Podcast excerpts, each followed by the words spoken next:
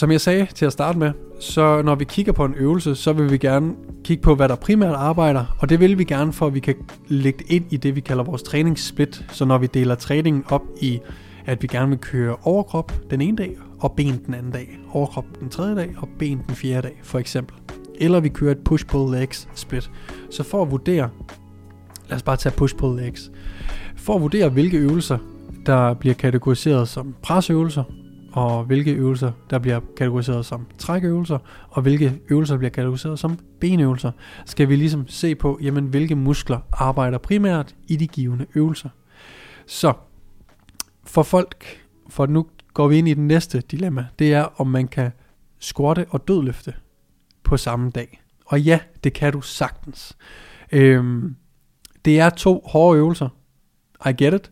Øh, og det vil sjældent øh, være en god idé at programmere, at man har sin tunge squat session og sin tunge dødløft session på samme dag. Men det betyder ikke, at man ikke kan squatte og dødløfte på samme træning. Så for, og nu skal jeg lige se, om, om jeg kan samle alle jer, der lytter med her øh, op. Fordi at noget af det, jeg ser og får kommentarerne på inde på, på internettet, ofte er, at grunden til, at vi skulle ligge Tesen er lidt, at grunden til, at vi skulle lægge en dødløft på en rygdag, er fordi vi ikke kan squatte og øh, dødløfte på samme dag. Men hvis vi ikke kunne det, så siger du, at du godt kan træne ben to dage i træk, men du kan ikke lave to benøvelser efter hinanden. Så for mig giver det slet ikke mening. Og jeg tror også, det er lidt fordi, at folk tror, at man skal lave sin tunge squats og sin tunge dødløft på samme dag. Og det behøver man jo bestemt ikke. Så det handler om at sige, okay, hvis jeg har to bentræninger om ugen, jamen så har jeg på min første bentræning min tunge squat session, og efterfulgt af min tunge squat, der har jeg så en dødløft variant, der er lidt lettere. Det kunne være en romansk dødløft, det kunne være en dødløft, der har mere fokus på teknik, øh, det kunne være en øh, deficit dødløft, hvor man løfter færre kilo, dog længere range of motion. Men ja, uanset hvad, så er det hårdt at squatte og dødløft på samme træning, men du kan sagtens. På din øh, bentræning nummer to, der vil du så prioritere dødløften og have din tunge dødløft session først, efterfulgt af en squat variant, som ikke er lige så hård. Det kunne være en øh, pause squat, det kunne være en pin squat, det kunne være en hack squat for den sags skyld. Øhm, så der er ikke noget i vejen for at squatte og dødløfte på samme træning, men det handler om at se på, jamen, hvad er målet med min træning, hvad er målet med min squat og dødløft, øhm, og er det at blive super stærk og løfte rigtig, rigtig tunge vægte, jamen så er det en god idé at have to forskellige dage, hvor jeg kører min tunge squats den ene dag, og min tunge dødløft den anden dag, og så har en, en variation, der er mere teknisk øh, anlagt end den anden. Så du kan sagtens øh, gøre det, men det handler ligesom om at se, hvad målet er. Fordi det, bliver, det, vil, det vil næsten kun blive et pro- problem eller en udfordring nærmere, hvis det er maksimal styrke, der er dit mål, hvor vi skal løfte rigtig, rigtig tungt. Fordi vi skal også huske på, at squat og dødløft øh, egentlig også bare er bevægelser. Og hvad mener jeg med det? En squat kan lige så godt være en øh, hack squat, det kan være en benpres, det kan være en øh, split squat. Så øh, hvis man træner for at få større lår, der knækker min stemme, gud hvor pinligt. vi holder det inde. We keep it real. Jeg snakker også hurtigt i dag, synes jeg. Jeg ved, jeg er in the mood, kan jeg mærke. Jeg tager lige en slurk Pepsi, og så skal jeg nok fortsætte. Men hvis ens hovedmål er at få større lår, så behøver man ikke at lave øh, back squat, og man behøver bestemt heller ikke lave en konventionel eller en sumo dødløft. Så det synes jeg allerede der åbner en masse døre for at nemt altså meget nemt at have en squat variant og en dødløft variant på den samme dag. Fordi hvis jeg kun går op i at få større lår, og det gør jeg faktisk lige nu, øh, hvis jeg tager mig selv som, som udgangspunkt, jamen hey, så er øh, mit mål sådan set bare at træne min forlår så effektivt som muligt.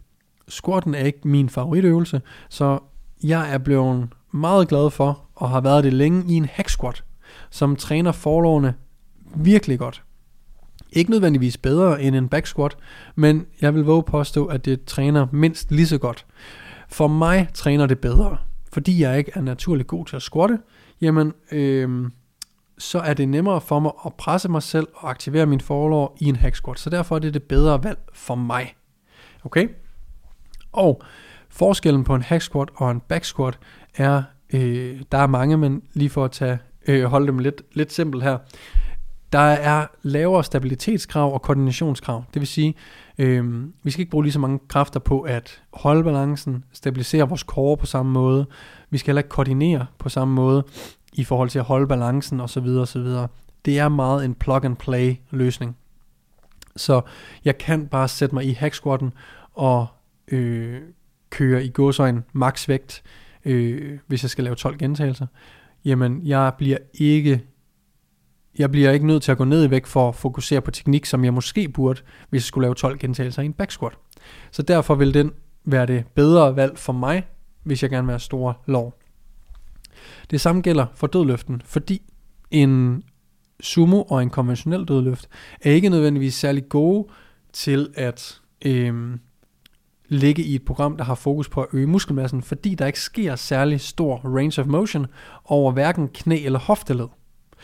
Så de to øvelser bruger jeg oftest og næsten udelukkende kun hvis målet er at blive stærkere i specifikt konventionel eller øh, sumo dødløft.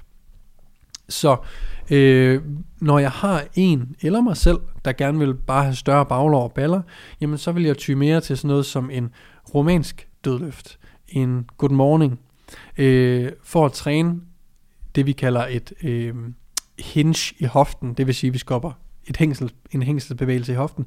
Det betyder bare, det vi, at vi skubber hoften bagud, ligesom vi gør i en romansk dødløft eller i en, øh, i en good morning fordi der er en langt større range of motion for baglåret, og derved vil der være flere gains, end der vil være specifikt i en øh, konventionel dødløft. Med det sagt, fordi igen, så kommer det an på alt muligt.